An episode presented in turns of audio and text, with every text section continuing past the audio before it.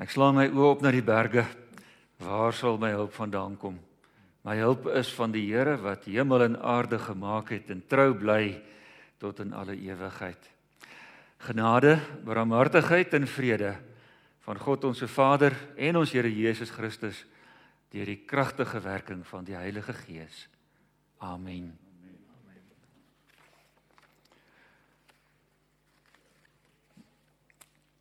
Baie dankie dat ek ook die voorreg het om saam met julle te kan wees, om sing en loof en prys en dankie ook vir die voorbidding. Die Here praat met ons vanoggend uit Handelinge hoofstuk 4, daar verse 1 tot 22. Handelinge 4 verse 1 tot 22.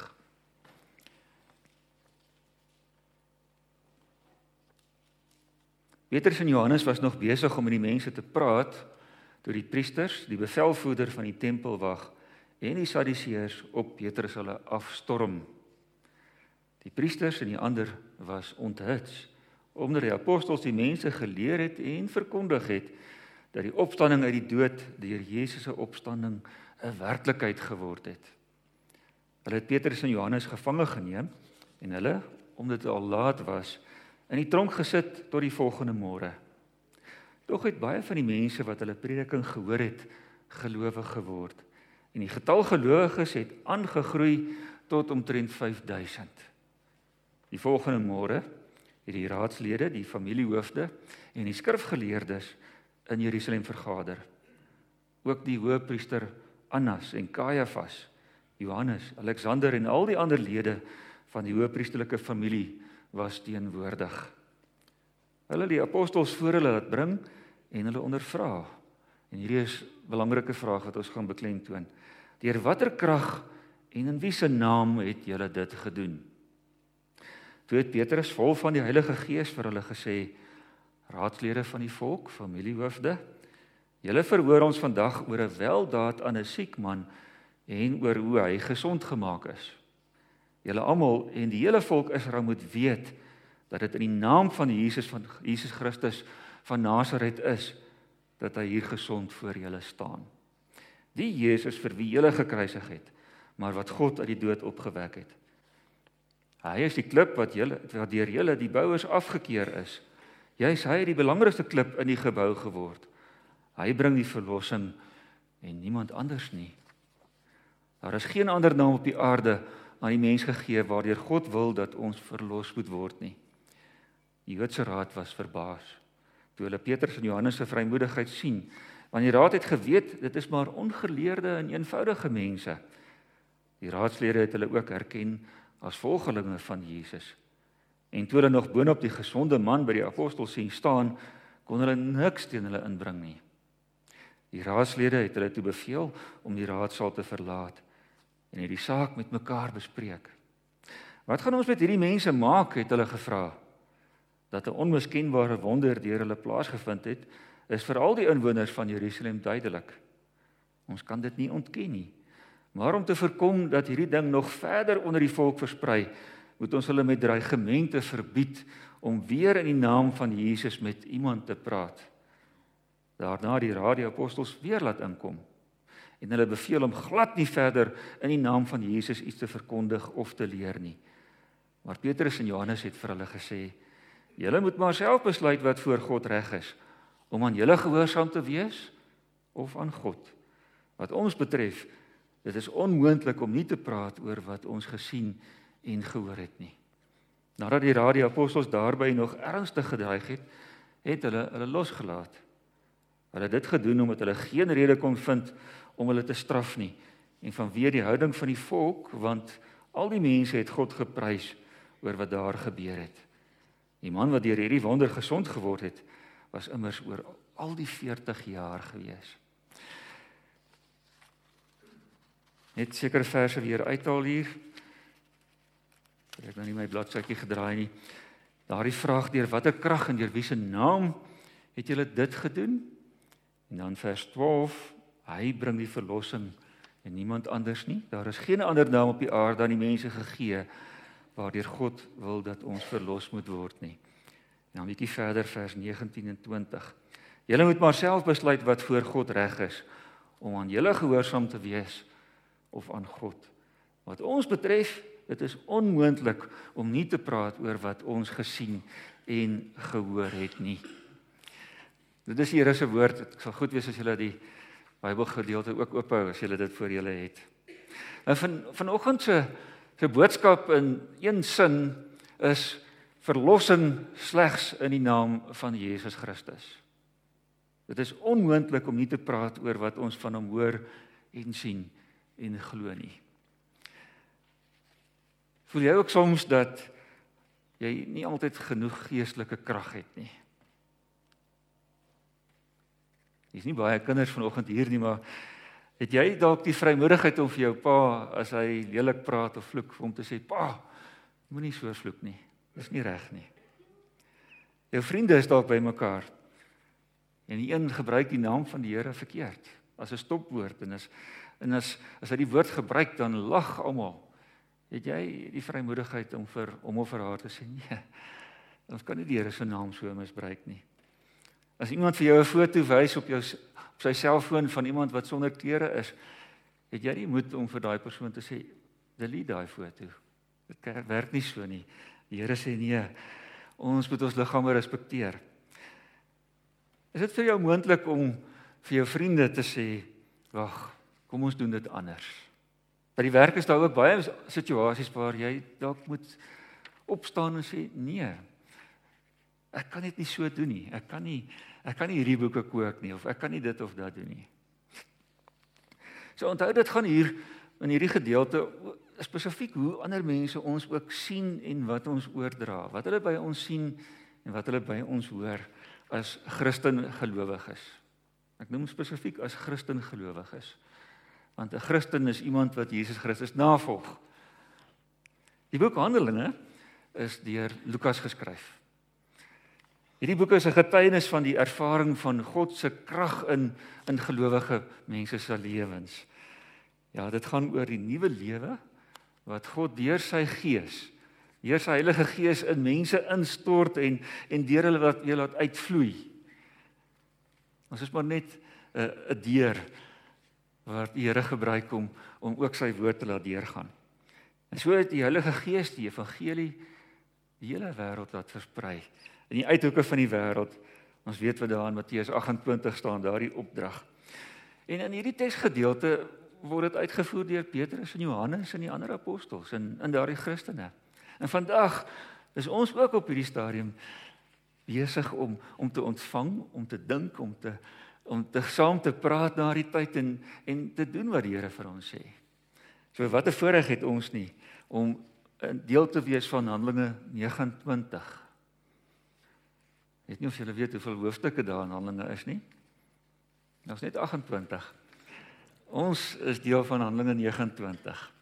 Dit wat die Here doen deur ons elke dag in ons lewe. Maar kom ons delf nou in in in Handelinge 4 wat ons gelees het. Daar in vers vers 7. Deur watter krag en in wiese naam het julle dit gedoen? Kom ons verduidelik. Petrus en Johannes was besig om met 'n klomp mense by die tempel, spesifiek by die pilaargang van Salomo te praat. Dis 'n spesifieke plek gewees daar rondom die tempel gewees. 'n Klomp van van die lede van die Joodse raad het egter op hom afgestorm en hom hulle gevange geneem en in die tronk gesit om verhoor te word. Nou, wie was die Joodse raad? Die Joodse raad, hulle was ook bekend as die Sanhedrin, was die hoogste gesag van die Joodse gemeenskap gewees. En in slegs die Romeinse goewerneur, in die geval Pontius Pilatus, wat jy ook al die naam van gehoor het, wat Jesus Christus dan uh veroordeel het namens die mense, net Pontius Pilatus het hoër gesag as hierdie Joodse raad gehad. Hulle het bestaan uit 71 lede saamgestel uit verteenwoordigers van die invloedrykste invloedrykste families en het ek net weer 'n sluk water vat. Hy het die priesters gewees, die Sadduseërs. En weet ons die Sadduseërs, Sadduseërs het glad nie geglo aan die opstanding van van die menseliggaam na die dood nie. En dan dan ook die hoofpriesterlike hoof. Hoekom het hulle op Petrus en en Johannes afgestorm? Wat het daar gebeur? Hulle was baie vies geweest, ontsteld. Daar staan onthuts geïrriteerd, vererg oor iets wat die apostels gedoen het. En binneop is daar 'n groot klomp mense wat tot bekering gekom het. Hier word 'n 'n getal van 5000 genoem. Dis 'n groot klomp mense wat aangeraak is deur die evangelie van van Jesus Christus. Die volgende môre het Petrus en Johannes voor hierdie 71 lede van die Joodse Raad verskyn. En hierdie Joodse Raad het soos 'n in 'n halfmaan gesit. amper kom ons vat nou maar vir julle was nou die Joodse Raad en en ek is nou Petrus en Johannes. En hier in die middel is almal hier rondom ons, al 71 van hulle. En dan word ons gepeper, word ons gepeper met vrae en en veroordeel. So die situasie was regtig nie maklik geweest nie. Hulle was in 'n krygsverhoor geweest. Maar nou kom ek weer na die vraag wat hulle hier gevra word deur watter krag en in wiese naam het julle dit gedoen? Nou in hierdie een sin val dit ook op dat hier gepraat word van krag. Krag. Nou die woord wat hier gebruik word is 'n bekende woord, dynamis. En in hierdie sin dui dit op 'n wonderkrag. Ek onthou toe ek as as kind met my fiets in die aand moes gaan gaan skool toe ry dat ek 'n dynamo gehad het. Het hom so op die wiel gesit en dan dan sy 'n liggie uh, is die krag opgewek hier voor dat ek in die aand kon ry. Nou dit is oor onder andere ook hierdie woord is 'n wonderkrag wat wat uitvloei uit uit Petrus hulle. En dan vra hulle maar uh, uit wie? Wie se krag doen julle dit? Dit was eintlik in daardie tyd soort van doodnormaal geweest dat mense gedink het dat dat wanneer iemand iets reg kry en doen dat hy bonatuurlike krag kry van iewers af. Ook hier by die Joodse Raad het hulle hulle gewonder wie in wie se krag op watter manier kry hulle dit reg om om iemand dan gesond te maak. Onthou dis is ook dieselfde vraag wat aan Jesus Christus gevra is. Die Joodse leiers toe hulle vir Jesus daar gevange geneem het en ver, ver ondervra het, het nie getwyfel dat Jesus in staat was om wonders te te doen nie. Maar hulle wou altyd weet in wie se gesag, met wie se gesag doen jy dit? In Matteus 12 sien ons dat daar selfs beweer was dat Jesus die wonderwerke wat hy gedoen het in die naam van Satan was. By Elsebul die aanvoerder van die demone. Jy sal onthou toe hy daar by 'n begrafplaas ingegaan het en daar was 'n 'n besetene gewees. En legio, legio beteken baie. 'n Klomp bose geeste het in hom ingewoon in hom gewoon en Jesus het hulle uitgedryf. En toe het die mense ge, gesê hy doen dit in die naam van van Beelzebul. Hy is die hoof van van hierdie klomp demone. Dis hoekom hulle na hom geluister het. Die volgende vraag wat ons hier vra is die dit in daardie sin. En watter krag deur watter krag en wie se naam het julle dit gedoen? Ek weet nie of julle al uh, begin aflei het wat hier aan die gang is nie. Maar in hoofstuk 3 vers 1 tot 10, 10 word dit beskryf. Petrus en Johannes was een middag om om 3 uur gereed vir die gebedsuur op pad na die tempel toe. En daar by die tempelpoort, is een van daardie groot deure, was daar 'n verlamde man wat daar gesit het en gevra het vir 'n geldjie. Die mense ken hierdie man. Hy was 40 jaar oud al, van geboorte af verlam. En Petrus en Johannes sê vir hom: "Kyk vir ons." So hy vra, hy, hy wys so, "Gee vir my ietsie." En Petrus sê vir hom: "Kyk vir ons, kyk vir ons in die oë." En hoopvol kyk hierdie hierdie verlamde man hulle in die oë. En wat sê Petrus? Wat sê Petrus vir hom? Geld het ek nie, maar wat ek het, gee ek vir jou. In die naam van Jesus Christus van Nasaret staan op en loop. Aangrypend nê, nee, in die naam van Jesus Christus van Nasaret staan op en loop. En so gebeur dit. So gebeur dit. Die man se voete en enkels het sterk geword en hy het begin loop. Hy het saam met hulle die tempel ingegaan en hy het hy het letterlik gebokspring kan my sê. Hy het gespring van opgewondenheid en die Here geloof en geprys. Die omstanders, die mense wat dit gesien het, het het hierdie wonderwerk gesien en het hulle het God geprys. Hulle het ge, gehoor hoe hierdie verlamde man God prys en die mense was saam almal bly. Die woord wat hier gebruik word vir hierdie blydskap is ekstasis. Ek gebruik dit juist nou ook om want dit is iets wat ons ons ook ken, né? As iemand in ekstase is, dan dan is hy verskriklik bly. 'n Negatiewe betekenis van hierdie ekstase is wanneer iemand welms gebruik, né? Dan sou hy dit so op 'n plek wat hy normaalweg nie by sal wees nie. Maar hier was die mense nugter geweest en bly in ekstase oor dit wat die Here gedoen het. En dis op daai punt wat Petrus hulle bestorm is, waar hierdie Joodse raad se verteenwoordigers op hulle afgestorm het. Want daar was baie mense wat na hulle toe gekom het en en en hulle het met hulle gepraat. En voordat hulle bestorm is, moet ons ook wel uh, onthou dat Petrus ook vir, vir hierdie mense gesê het wat daar na hom toe gekom het en in verbaas was. Hy sê: "Israeliete, hoekom is julle hieroor verbaas oor hierdie wonderwerk? Wat staar julle ons so aan asof hierdie man deur ons eie krag genees is?" So daat hy al aangevoel dat hierdie mense dink, "Ja, hulle kom van iewers af en hulle het baie sterk krag in hulle." En wiese man, in wiese krag loop hierdie man dan? In wiese krag loop hierdie man dan?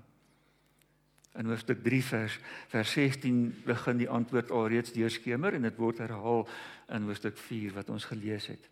Daar staan deur die geloof in sy naam. Dit is deur die geloof in Jesus se naam het hierdie man se bene sterk geword en nou sien julle hom. Die geloof van hom wat kom. Die geloof van hom wat kom het die man volkome herstel. Hy wat hier voor julle staan. Dit is Handelinge 3 vers 16 se woorde.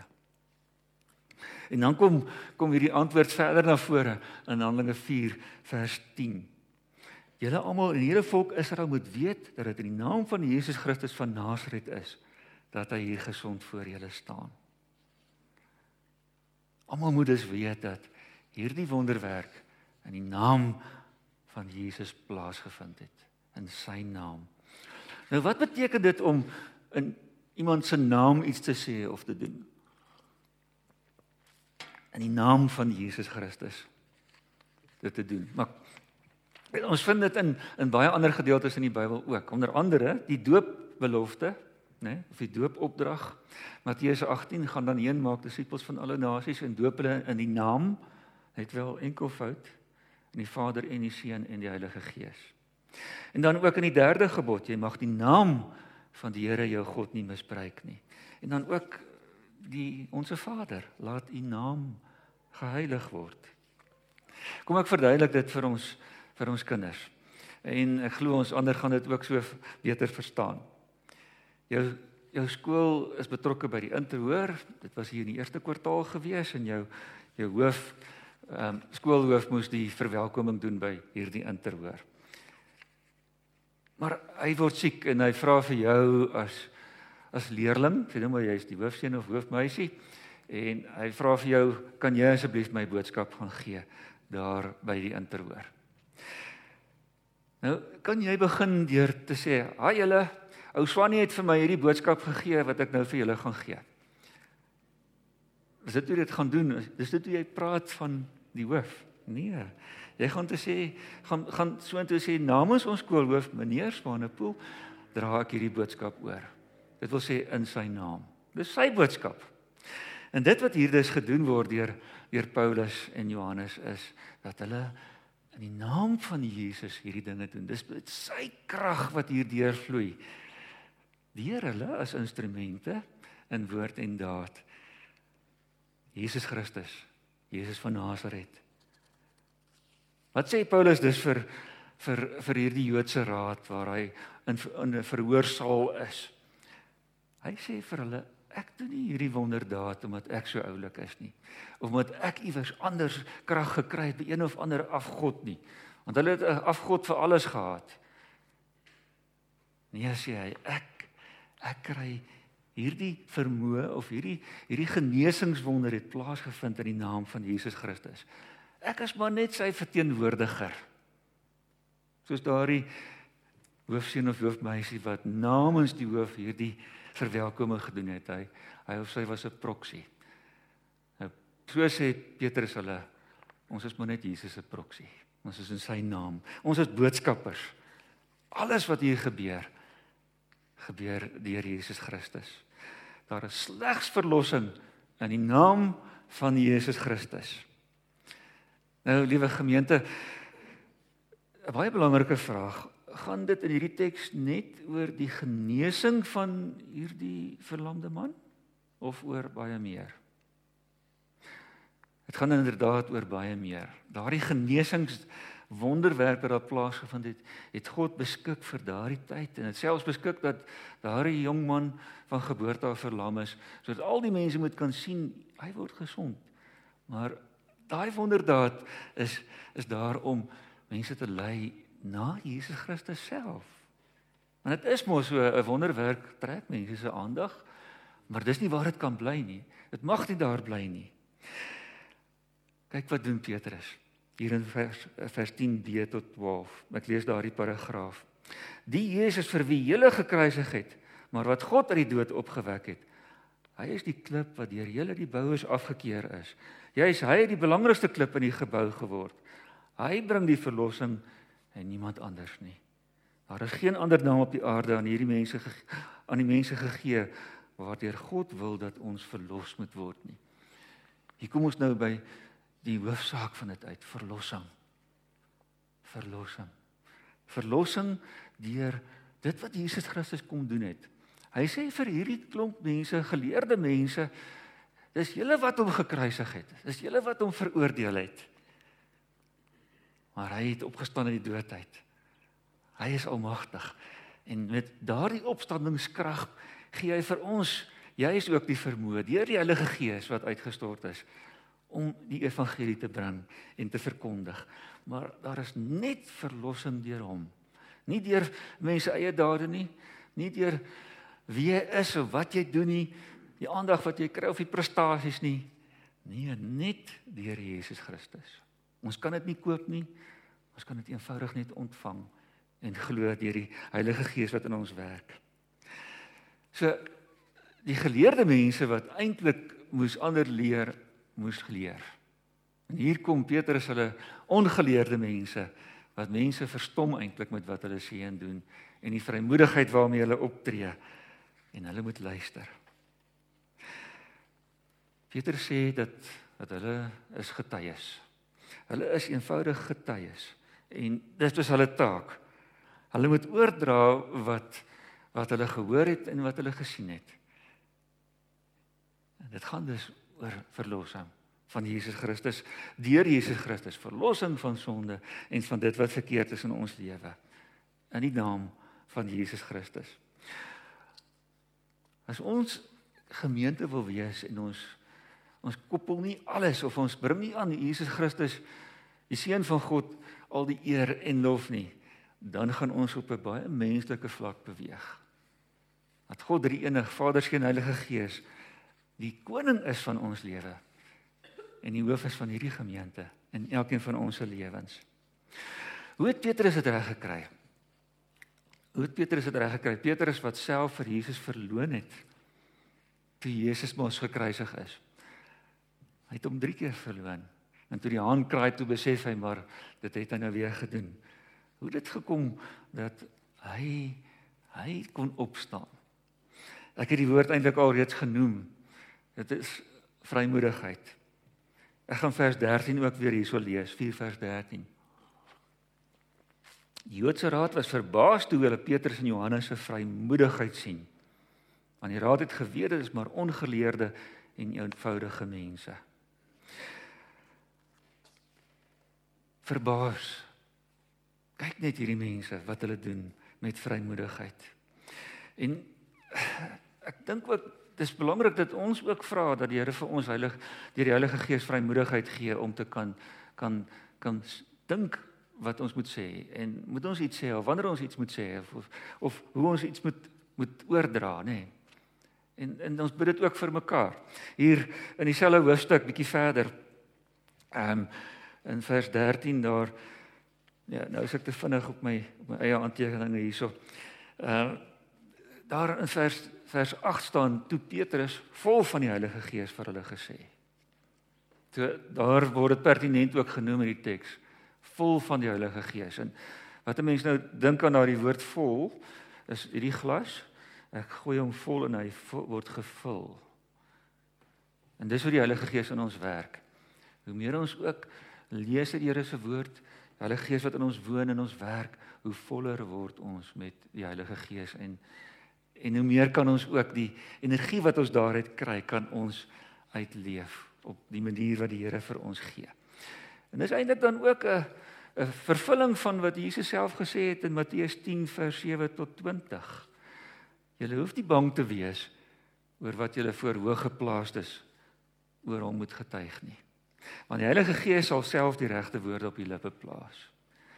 So op daardie oomblik het Petrus hulle dit reg gekry om vrymoedig te sê wat hulle moet sê.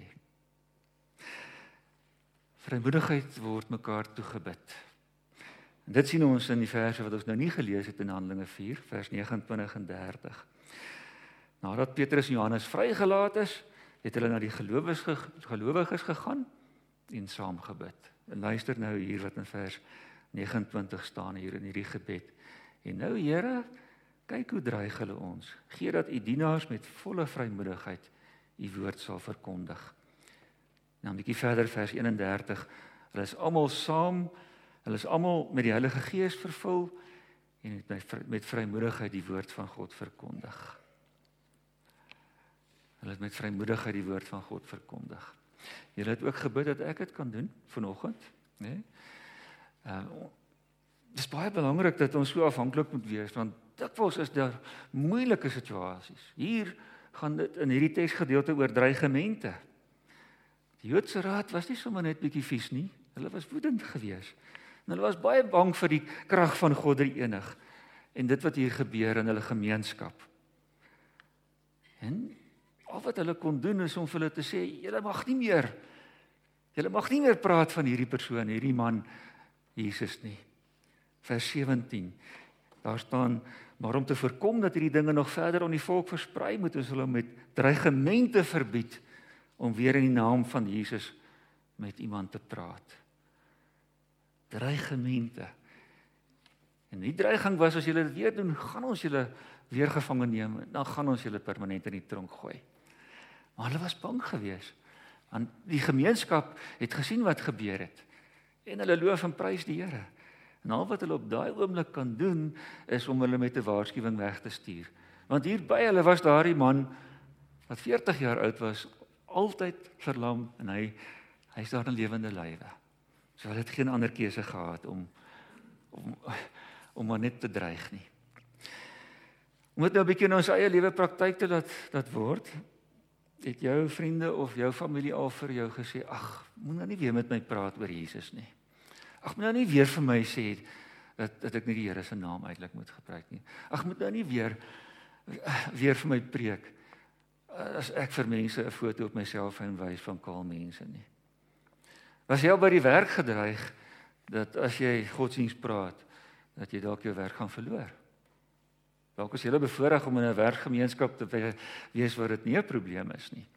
Maar ek weet daar's plekke wat wat mense hulle werk verloor jare gelede al by die kragstasies in Mpumalanga waar ek eers ook 'n dominee was daar. Daar was 'n eenvoudige reël geweest: as jy praat oor jou godsdiens, dan gaan jy jou werk verloor. Ek dink as nou kan 'n mens stil bly. Kan 'n mens stil bly? Hoe hanteer Petrus hulle dit? Ons sien dit ook in hierdie gedeelte.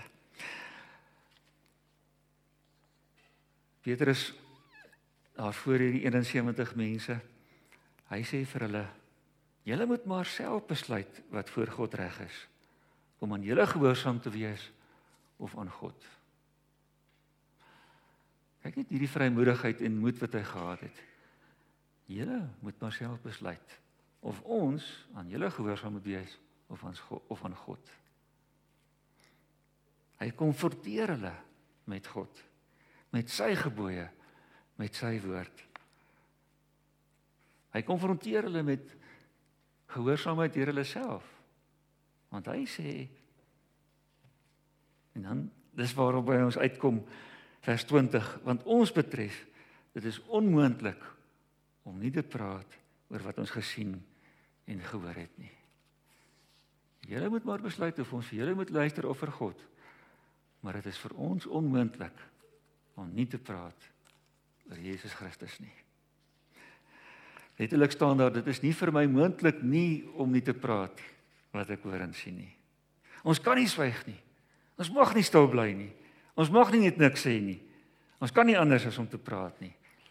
Ons wil praat. En ons moet praat.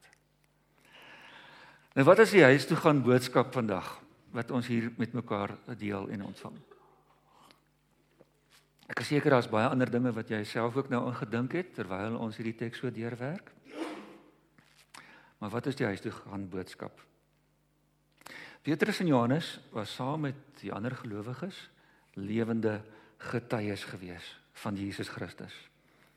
Hulle het by hom geleer in woord en daad. Hulle het Jesus se opdrag gehoor, daarna geluister en dit uitgevoer. En hulle die evangelie verder geneem ongeag die teestand wat hulle ervaar het. Inteendeel die teestand wat hulle daar in Jerusalem ervaar het, het veroorsaak dat hulle die evangelie oral gaan verkondig het. Al was hulle vlugtend geweest. En die boodskap is, daar's net verlossing by Jesus Christus. Sonder mens, almal van ons mense kan net verlossing kry deur Jesus Christus, net deur hom. Hy het aan die kruis vir ons gesterf in ons plek. Hy het in ons plek uit die dood uit opgestaan, hy het die dood oorwin en hy het sy Heilige Gees vir ons gegee. So die vereiste is daar's net geloof in Jesus Christus waardeur die mens verlossing kry. Ons dink aan Johannes 14 vers 6. Ek is die weg, die waarheid en die lewe. Niemand kom na my toe behalwe deur die kom na die Vader toe behalwe deur die Vader nie. Ons sien dat hier gepraat word van vrymoedigheid. Die Heilige Gees wat in hulle werk om vrymoedig te wees. En dat die Heilige Gees vir hulle die woorde op die lippe sit om te kan praat. Maar wat van ons? Wat is jou persoonlike lewensomstandighede? Waar jy as kind in die skool is of waar jy studeer of waar jy werk of waar jy woon of waar jy in jou familiekring en vriendekring is? Ek het ook in my familiekring iemand wat 'n ateïs geword het. Hoe moet ek met daardie persoon praat? Ek het ook mense in die omgewing en wat ja, in in gemeentes, ons almal is maar net mense nie. Daar's dinge wat verkeerd is. En as jy dit as jy dit sien, as jy dit hoor, gaan jy stil bly. Of gaan jy uh, of gaan jy na daai persoon toe gaan, eers bid, Here, wat moet ek hier doen? As jy sien daar by die skool, daar's kinders wat oneerlik is in die eksamen of toetse of wat wat lelike goed skryf op juffrou se bord as sy nie in die klas is nie. Wat gaan jy maak? Gaan jy maar saam lag of gaan jy gaan jy sê nee, wag, wag, ons kan nie dit doen nie en dit gaan uitvee. Dit het met my vrou in haar klas gebeur, sy is onderwyseres. Waar kinders ingekom het en iets leliks daar geskryf het. En die res van die kinders het stil gebly. Maar daar was 'n video geneem van van dit wat daar gebeur het. En sy moes daai kind konfronteer. Wat het hoekom doen jy dit? So dis nie altyd maklik nie. Nee. Jare gelede dieselfde met my vrou ook in 'n klas waar daar 'n groep was in in daardie spesifieke skool wat sataniste was. En in die terwyl sy haar les aanbied, dan slaan hy so op sy tafel en hy roep die naam van Jesus uit. En hy sê erken dat hy is. Want sy net vir hom gesê het weet jy wat? Jy gebruik my Here se naam Jesus Christus. Hy's my verlosser. Moet asseblief dit nie weer doen nie. En sy het hy het dit nooit weer gedoen nie. En hy's deur daai skool daai 3 jaar daarna en ons weet nie waar hy nou is nie. So dit kan baie moeilik gaan vir ons in ons persoonlike lewe by die werk of waar ook al in die familiekringe vriendekring. Daar kan selfs dreigemente wees. Jy jy kan selfs jou werk verloor Jy kan dan selfs hierdie vriende verloor as jy met hulle praat. Maar die Here kom met hierdie hierdie aansporing, sê maar ek sal vir jou die woorde op die, op jou lippe plaas. Moenie bekommerd wees of bang daarvoor. Wel, ons is bang. Maar vra vir vrymoedigheid. Vra vir vrymoedigheid om wanneer dit die regte oomblik is, die regte woorde. Want soos in hierdie verse staan, ek kan nie anders nie dit is nie vir my moontlik om stil te bly nie. Mag die Here vir ons so so lei deur sy gees. Dat ons kan weet wanneer ons wat moet sê en doen, want daar is net verlossing in en deur Jesus Christus. Amen. Kom ons bid saam. Onse Vader wat in die hemel is, ons dankie dat ons vanoggend hier so saam kan wees. Beskerm en vrymoedig en en en ook veilig. Vader, ons ons vra dat U ons met die Heilige Gees verder sal lei, die Heilige Gees wat in ons woon. Lê ook die woorde op ons lippe. Dat wanneer ons hoor hoe iemand verkeerd praat of lelik praat en u naam misbruik dat ons op die regte tyd iets kan sê of doen of dit eenkant alleen is of op daardie oomblik. Gee vir ons die vrymoedigheid om met ons naby mense ook te kan praat. As as iemand hom vererg of lelik praat of Here se naam uitelik gebruik dat ons kan sê pa nee.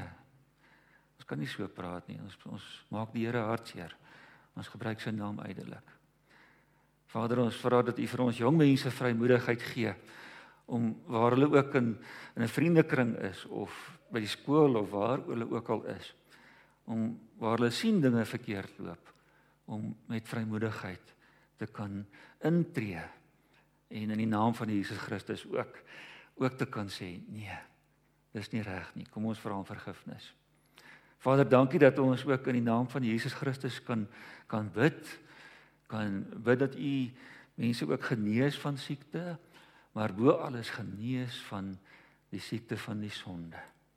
Dankie dat U deur U seun Jesus Christus dit vir ons kom doen het. O Jesus, dankie dat U die pyn en lyding en hel ervaar het deur U kruisiging, maar ook die vreugde en oorwinning deur U opstanding. Vader behoed en bewaar ook hierdie gemeente, Bergbron gemeente, wil julle ook gebruik in hierdie gemeenskap en in die skole waar ons kinders is en in al die plekke waar waar ons werk, instansies, regering of privaat of waar ook al. Wil U hulle aanhou inspann in die koninkryk. Wees ook met Stefan hulle waar hulle ook rus kry op hierdie oomblik en jy met nuwe krag sal inkom. Dankie dat U hom al vir soveel jare saam gebruik hier met elke lidmaat hier teenwoordig. Ons bid dat U ons sal lei in hierdie dag en in die res van hierdie week. In die naam van Christus bid ons dit. Amen. Kyk nou die Here, U seun, ontvang dit en gaan ook daarmee uit. Die genade van ons Here Jesus Christus, die liefde van God die Vader en die kragtige werking van die Heilige Gees sal met jou wees. Amen.